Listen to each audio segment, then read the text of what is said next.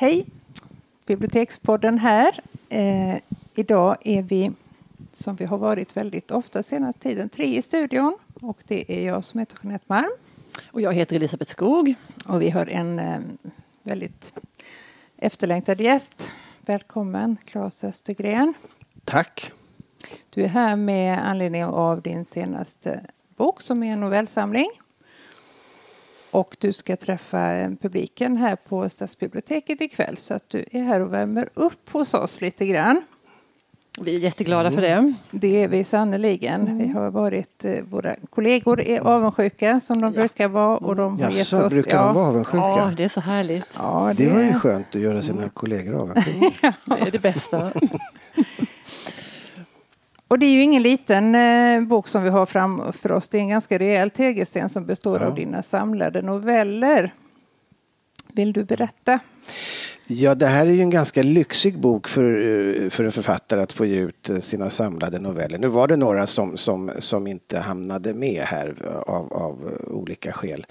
Men det här är i stort sett de noveller som, som jag ville eh, lämna efter mig höll jag på att säga. Så behöver vi inte tänka ännu. Men eh, hur som helst, det är, det är noveller för massa olika sammanhang och framförallt är det en hel del som aldrig varit i bokform förut utan har förekommit i etersammanhang eller tidningar mm. eller ja, tidskrifter.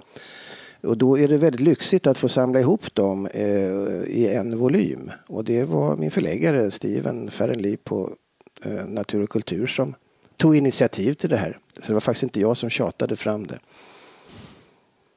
Men det är inte ofta man får ett sånt eh, tillfälle att rota i sina gömmor och försöka se hur man skulle kunna pussla ihop det. Sen gjorde han faktiskt ordningen på det hela. För jag har förstått att det är, ja. det är ingen kronologisk Nej, ordning. Absolut, han tyckte sig se olika teman. Och det är de han har delat upp i fyra olika avdelningar. Men du var med på tåget? Ja, han förklarade hur han tänkt och jag sa men ja, det var ju väldigt intressant och sen så gjorde vi så. Eh, så att det där var faktiskt i stort sett hans verk. Att, mm. att men kan du berätta kort om hur den här tematiska uppdelningen ser ut? För det är fyra delar.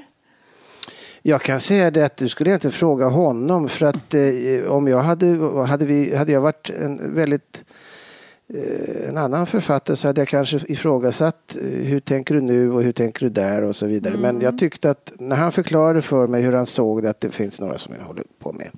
Mm. Temat man, kvinna, kärlek. Det finns de som är återblickande mot barndomstider. Mm. Det finns en avdelning som befattar sig med det mer vad ska vi säga, det mer vidunderliga som Steven mm. sa med Ibsen-termen. Mm. Eh, alltså det vill säga ganska fantastiska historier. Eh, och sen fanns det en julavdelning. Så det var de fyra mm. temana som han eh, ville lyfta fram. Ja. Och jag tyckte de var väldigt kul därför att Sen när jag läste korrekturet, jag sitter ju inte och läser mina gamla historier Nej. allt för ofta får jag erkänna. Men när jag läste igenom det så, så, så såg jag, då förstod jag väldigt väl hur han hade tänkt. Och jag tyckte att det fanns en logik i det hela. Och det uppstår ju någonting alldeles nytt när två mm. texter som aldrig legat kloss varandra mm. förut börjar skava mot varandra. Så händer ju någonting. Mm. Eh, och detta var, detta var väldigt roligt att hålla på med. Mm. Samtidigt som det ju var en det är ju liksom en, en, en liten jubileum efter 40 år i branschen så tyckte väl han att vi skulle fira det på något vis. Eh, och eh, då, då blir det ju en väldigt både nostalgisk och smärtsam återblick mm. på ganska lång tid. Den äldsta är väl 35 år faktiskt, mm. den äldsta berättelsen här.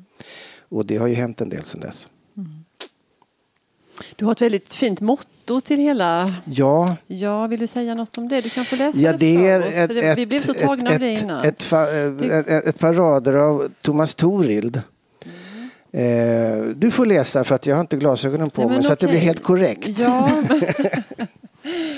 flöda elände, storhet, flöda kval och förtjusning. Ja. Ja. Jag tycker att det, det, det, passade väldigt bra. Det fanns ju i en av böckerna som, som eh, vi har plockat noveller ur. Det fanns även andra såna här deviser eller vad man ska kalla det. Men de tog vi bort och behöll endast den där. Mm. Därför, att den är, dels är den väldigt fin och dels, dels säger den någonting om berättarens förhållningssätt Mm. inför tillvaron i den här boken. Vi sa att det är precis som våra dagar här på jobbet. Ja. det är- Ja, det Men vad bra! Det är toppar och dalar och kval och förtjusning. Det är fler än jag som kan använda de där raderna med andra ord. Ja. Ja, men det, sen har vi också pratat lite om det här med, med alltså novellen som litterär form. För på ett vis kan man kanske säga så att novellen ändå har haft ett uppsving på senare tid. Eh, Det har kommit ett bokförlag som har specialiserat sig i ger ut noveller en och en, vilket är en ganska schysst tanke. Eh, Och det finns flera novellförfattare som har fått mycket uppmärksamhet. Det är liksom det ena. Men sen, vi som jobbar här med litteraturförmedling så där, på golvet, vi möter också ett visst motstånd mot novellformen. Ehm, Misstro i alla fall. Ja, Ja. lite sådär. Ja, men som till exempel när Alice Munro fick Nobelpriset och då var många nyfikna på henne. Och så, ja, men vad skriver hon? Ja, hon skriver noveller. Aha, och då mm, så svalnade det lite. Det är så? Ja, men lite så. Och så tänkte vi kolla med dig, är det här liksom bekanta tankar för dig? Ja, alltså- Möter du något? Nej. jo, jo, jo då, men från ett helt annat håll. Nämligen förläggare, svenska förläggare. ser ju sjösjuka ut när man börjar prata om eh, noveller. Därför att, av det skäl som du då beskriver här, därför att de har ju rätt bra koll på vad, vad, vad människor vill läsa. Eh, kanske ibland mycket bättre än vad författarna har. Så att eh, det- har ju aldrig, de senaste, ja så länge jag har hållit på de här 40 åren så är det ju romanen, romanen, romanen. Och gärna serier, tjocka romaner i serier, i svit. Ja, ja, ja. Med samma personer som gör lite olika saker men i Ja. stort sett följer samma mönster hela tiden. Och det där kan ju faktiskt vara ägnat en viss förvåning för att man tycker att vi i vår tid när alla är så stressade och har så lite tid över så borde ju egentligen en läsare vara glad. Och det här är en berättelse som bara är 20 sidor. Det tar Ja. bara en halvtimme att läsa och, och, och Eh, jag får ut lika mycket ur den som kanske ur en hel roman som jag sömnigt jagar på nätterna igenom. Men så fungerar det uppenbarligen inte Nej. riktigt. Utan publiken vill alltjämt ha eh, långa serier och tjocka romaner. Det är ett djupt rotad vana det där hos läsare. Eller så är det kanske en reaktion emot den här snabba tempot. Att, att en läsare intuitivt, utan att de kanske egentligen uttalar den lusten, men vill hänge sig åt någonting som bara pågår och rullar på. Vecka ut och månad ut och år ut och år in. Och, och de författarna verkar vara i god form och kan leverera säkert tio sådana här tegelstenar till. Eh, Det kanske är en reaktion på det här snabba ombytligheten menar jag, att, att allt ska gå så fruktansvärt fort. Nej, men jag tänker på när jag själv läser noveller som jag gör ganska mycket och är väldigt förtjust i att jag måste faktiskt stoppa efter varje novell. Så att man inte läser den Nej. som man läser en roman. Nej. För att då är man ju... Det, Hal is. Ja, det, men Det då blir jag. det ju något väldigt splittrat över det. Utan man måste ju och låta varje jag håller fullständigt liksom- med dig. För att så har jag och vi resonerat att det är inte meningen att man ska ligga och läsa den här från perm till perm. Nej. Den kan ligga där i flera år och, och, och samla damm på, på nattduksbordet. Men sen så läser man någon historia någon gång då och då. För att om du om du läser de här i svit eh, oavbrutet så tycker jag själv att, att det finns återkommande motiv, det finns återkommande scener. Stö- Bättre fantasi än så har man ju inte. Så att man återkommer till vissa nyckelrelationer, nyckelscener. Eh, utan att tänka på det så, så, så gör man en grej som man skriver en mening som påminner om någon man gjorde för 18 år sedan. Eh, och har glömt bort det helt enkelt. Men så märker man det när det kommer så här plötsligt eh, i samlat. Så att det är inte tanken här heller att du ska Nej. sitta och verkligen och, och braka igenom den här boken i ett svep. Men, ja. Man kan hoppa fram och tillbaka och, och vill man ha en julnovell till påsk så gör man det då. Och sen så eh, längderna varierar och det finns olika tillfällen. Har man två timmar på sig kanske man kan ta någon av de här längre historierna. Och har man bråttom kan man ta någon kort. Så att jag menar det, det är så jag har tänkt att den ska användas. Och, och du har rätt, jag tycker inte heller novellsamlingar av Tjechov eller Munro eller Maupassant eller Hemingway. Ett par, tre stycken. Sen, sen tycker man att man... Mm. De är så mäktiga mm. i sitt innehåll och sin form att, att, att eh, jag tror inte de heller menar att du skulle läsa dem i, i svit sådär. Och ofta har de tillkommit under långa perioder och publicerats mm. i olika tidskrifter och så. Mm. Så att samlingen är det är inte ofta en, en novellsamling är en helt igenom komponerad skriven just för ett tillfälle. Det, det förekommer viss, visserligen, det gör det ju verkligen. Mm. Men det där är en sida av saken som du påpekar där. Men du, om du skulle tipsa någon lite sådär tvehågsen, eh, kanske ändå novellläsare, liksom, varför ska man läsa en novell? Kan du hjälpa mig med några bra argument som jag kan, kan använda i min yrkesutövning? För jag vill ju så gärna att de ska läsa hjälp, alla de här, här bra. Det här är ju ert gebit. Eh, författare är nog ofta ganska dåliga ambassadörer för sitt skrå. Mm. Jag tycker det är så väldigt... Dels, jag tror att man kan säga att det är samma sak som att förtjusningen i att skriva en novell, nämligen att som författare, du, när du ger dig i kast med en roman, då vet du nästan aldrig du, när du kommer ur den hela. Och du vet inte riktigt var den tar dig. För att vet mm. du det redan från början, då är det egentligen stort sett onödigt att skriva den. För det händer ju ingenting då. Va? Men den kan föra dig ganska långt mm. ut på avvägar. Mm. En novell, du har, här är berättelsen, här ska den sluta och här ska den börja. Då inbillar du i alla fall att du har koll på vad det är som händer här. Eh, och du slår an en ton som inte är den där enormt eh, vad ska vi säga, undersökande som inkluderar alla hugskott du kommer på utan mm. du håller faktiskt mm. till, mm. till ämnet. Mm. Eh, och, och, det som läsare, det gäller det även som läsare att här har du en överskådlig textmängd det är så många som skyggar för läsning idag, mm. särskilt yngre. Mm. Borde attraheras enormt, ja. särskilt av mm. Novelix små ja. fina eh, Jättefina. häften. Mm. De ser inte så betungande ut. Kommer du dinglande med den här bumlingen så kanske en 17-årig kille ryggar tillbaka och, mm. och, och, och gör något annat istället. Va? Men, men de är så inbjudande just i sin, sitt lätta format.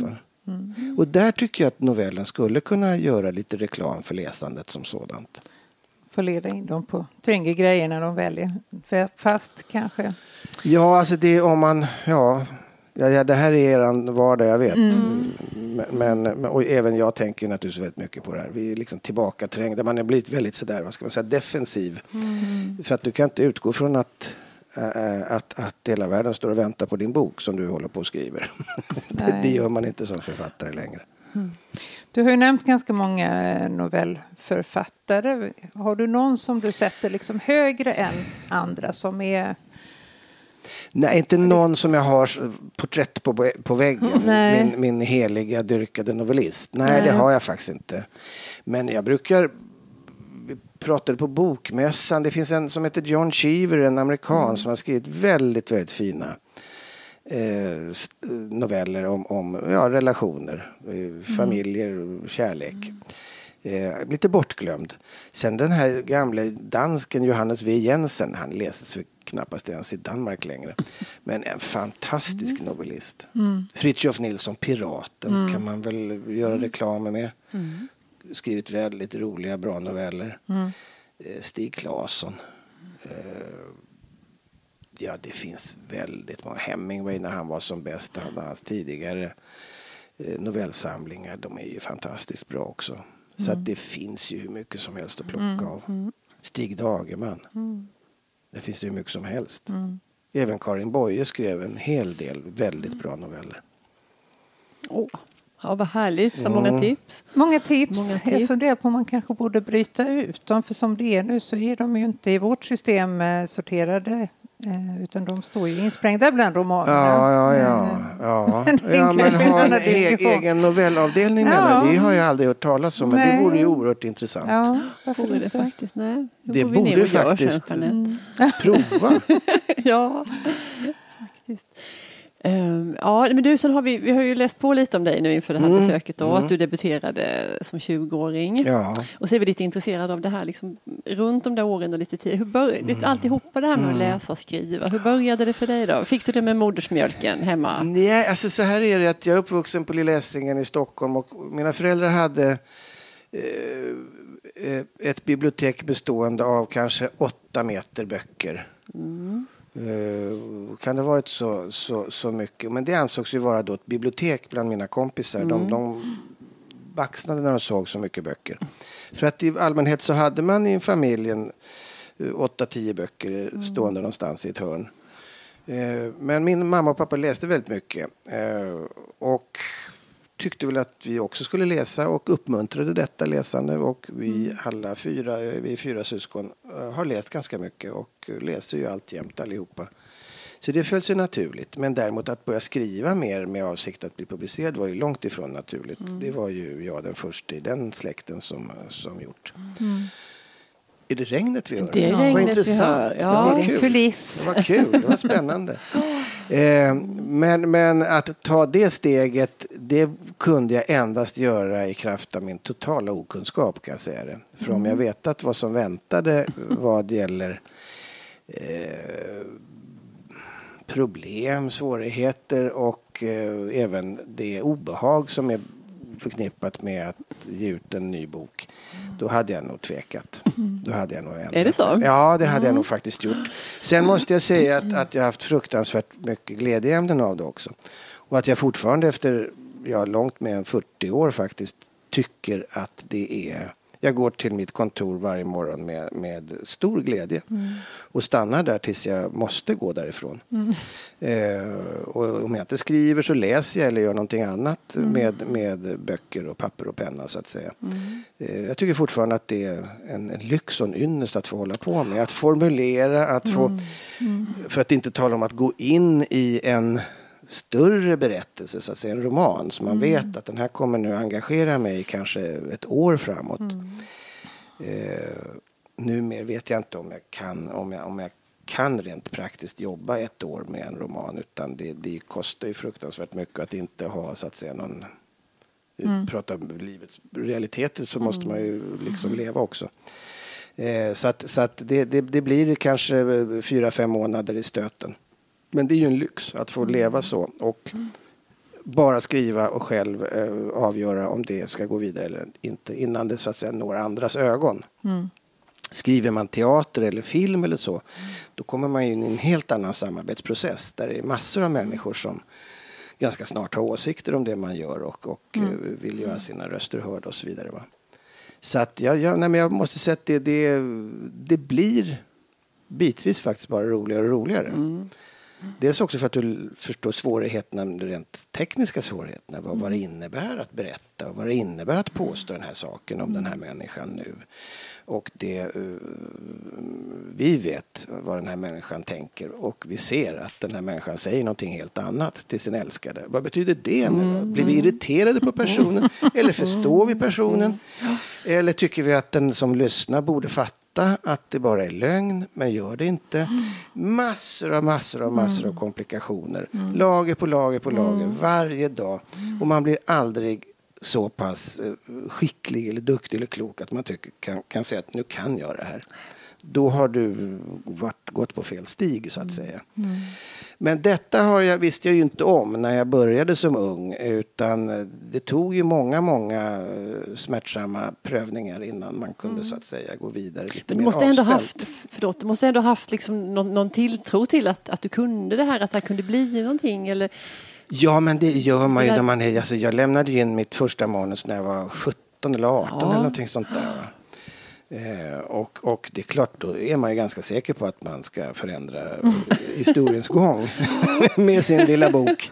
Det är, Men det tror man ju. Det är det viktigaste som finns. Och det måste man ju tycka.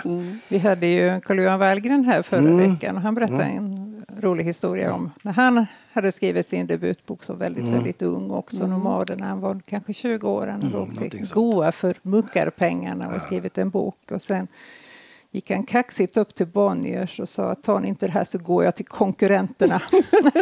Det var ett häftigt hot. ja, ja, eller hur? Förstod de allvaret? Absolut, Ja. visst, de antog Han- den. De ledde honom till handkassan och han gick därifrån med ett litet förskott. Men du har ju faktiskt ett annat jobb också, får man kalla det så? Eh, akademiledamot. Ja, jo, det är ju faktiskt senaste jobbet som jag fått. Ja, mm. livstidsanställning. Det är det ju. Ja, anställning är det tyvärr inte. Det, det varit inte. betydligt Nej. bättre, men det är det ju inte. Mm. Mm. Vi, vi, är ju jättenyfikna på din en värld ja. som vi inte har någon insyn i. Kan Nej, du men det hade hur en dag ser ut? Ja, men en dag förstår du, alltså, det är ju inte så att man sitter där hela dagarna utan vi, vi, vi, har sammanträde varje torsdag. Mm. Eh, och eh, så långt, eh, jag får ju inte röja några hemligheter men det är inte så hemskt mycket hemligheter mer än sådär, någon liten pikant ja. sak. Eh, nej. Vi hungrar ju nej, efter ja, ja, Men du, är det roligt då? Är det liksom ja, men det är, alltså, jag hade ju väldigt vaga begrepp om hur det här såg ut mm. eh, och var, kände några stycken av ledamöterna men har ju tyckt att det varit överraskande roligt. Mm. Överraskande trevligt. Eh, så att jag har i stort sett endast positiva erfarenheter. Det har ju gjort, snart gjort mitt första år där. Mm. Eh, och det är ju väldigt mycket ärenden som ska bankas igenom varje mm. torsdag. Mm. Eh, så att akademins huvudsakliga ämnen är ju egentligen att stödja och fördela medel och stödja institutioner men framför allt enstaka personer. Mm. Och det är allt från språkmänniskor till eh, essayistik, poesi, dramatik, skön mm. och, ja, annan Det finns ett bibliotekariepris också. Absolut, ja. visst gör det det. Kan du inte lägga några goda ord för oss? Det, ska, det, här, det, det, det, kan vi diskutera sen när vi stängt av. Nej, men, men eh, och där kommer ju alla olika ledamöters olika kompetens till användning då. Mm. För att all, det är ju ingen som kan alla områden lika väl. Mm. Så att eh, alla kompletterar varandra och ibland är det ganska så uh, intensiva diskussioner. Mm. Uh, kanske inte om personer men om saker och ämnen. Och det, det sker på ett väldigt civiliserat sätt men oerhört intressant. Mm. Är det mycket läsning? Sådär? Ja, det är det ju. Ja. Det är ungefär så mycket du vill faktiskt. Ja, okay. Det är inte så stipulerade? Jo, då, alltså det, vad det gäller Nobelpris så mm. förväntas vi ju ta del av, av, av, av, det som vi eh, får oss förelagt så att säga. Mm. Sen vad beträffar det andra kan du läsa från morgon till kväll om du mm. ska vara eh, helt förberedd i alla olika sammanhang. Men visst, visst är det en hel del, det går inte att förneka. Men det är som sagt att det känns meningsfullt och jag tycker att akademin gör väldigt mycket bra insatser. Rätt mycket i det fördolda får jag nog mm. säga. Mm. Mm. Och det är ganska smickrande för att akademin skryter inte så väldigt mycket med sin, sin verksamhet. Mm. Ja, vi har fått en liten inblick. Vi skulle så gärna vilja att du läste ett stycke. Ja, det ska jag gärna göra. du möter vår publik ja. här på biblioteket. Och då är det en passande titel här. Den heter Röd jul. Ja. Mm, så här i en månad före. Ja, jag ska, inte för, jag ska inte mm, presentera den här historien för jag tror den presenterar sig själv mm. så att mm. säga. Men jag läser några sidor i början på den. Ja, men vad härligt.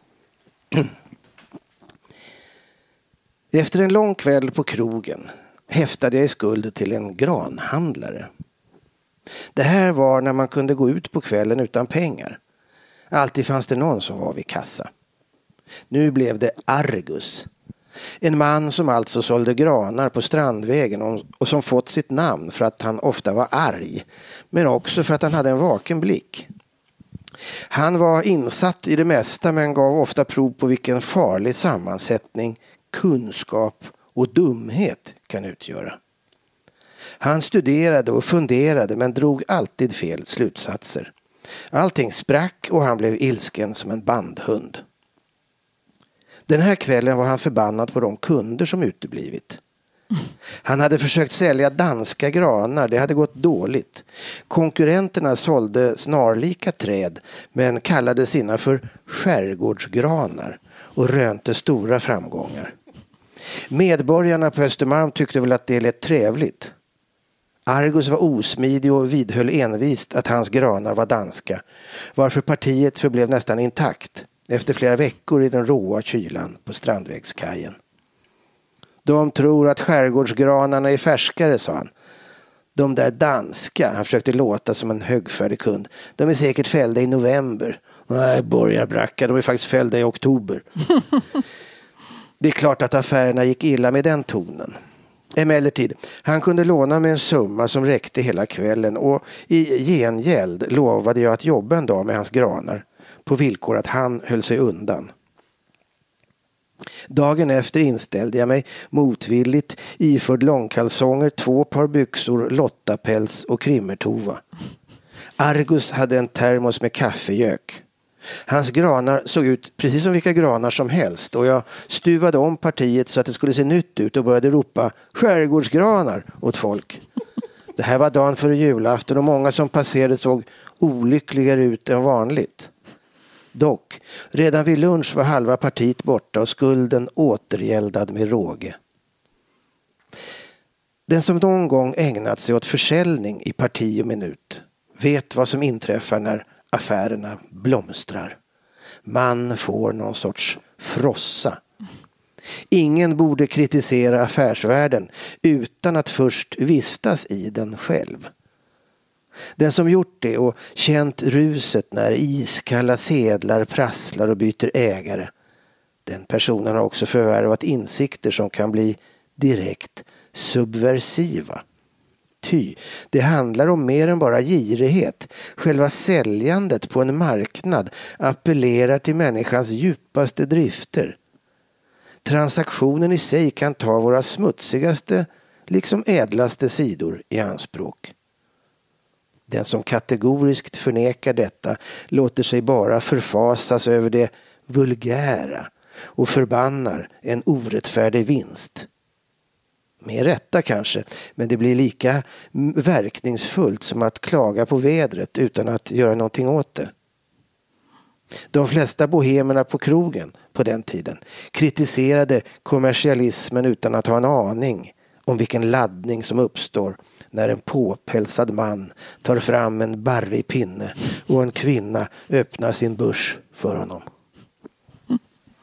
Underbart. Härligt. Nu doftade skärgårdsgran här inne. Skärgårdsgran blev det plötsligt. Eh, tack Claes Östergren. Tack för Tusen att jag tack. fick komma. Ja, vad roligt att Tack. prata med dig. Tack så hemskt mycket. Vi återkommer i Bibliotekspodden. Vi har kanske lite någon annan någon kollega vi vill presentera och vi kanske har lite Ja. julklappstips och vi har lite olika saker Ja, som vi återkommer om. Det är bara att hålla utkik. Tack för idag. Tack och hej.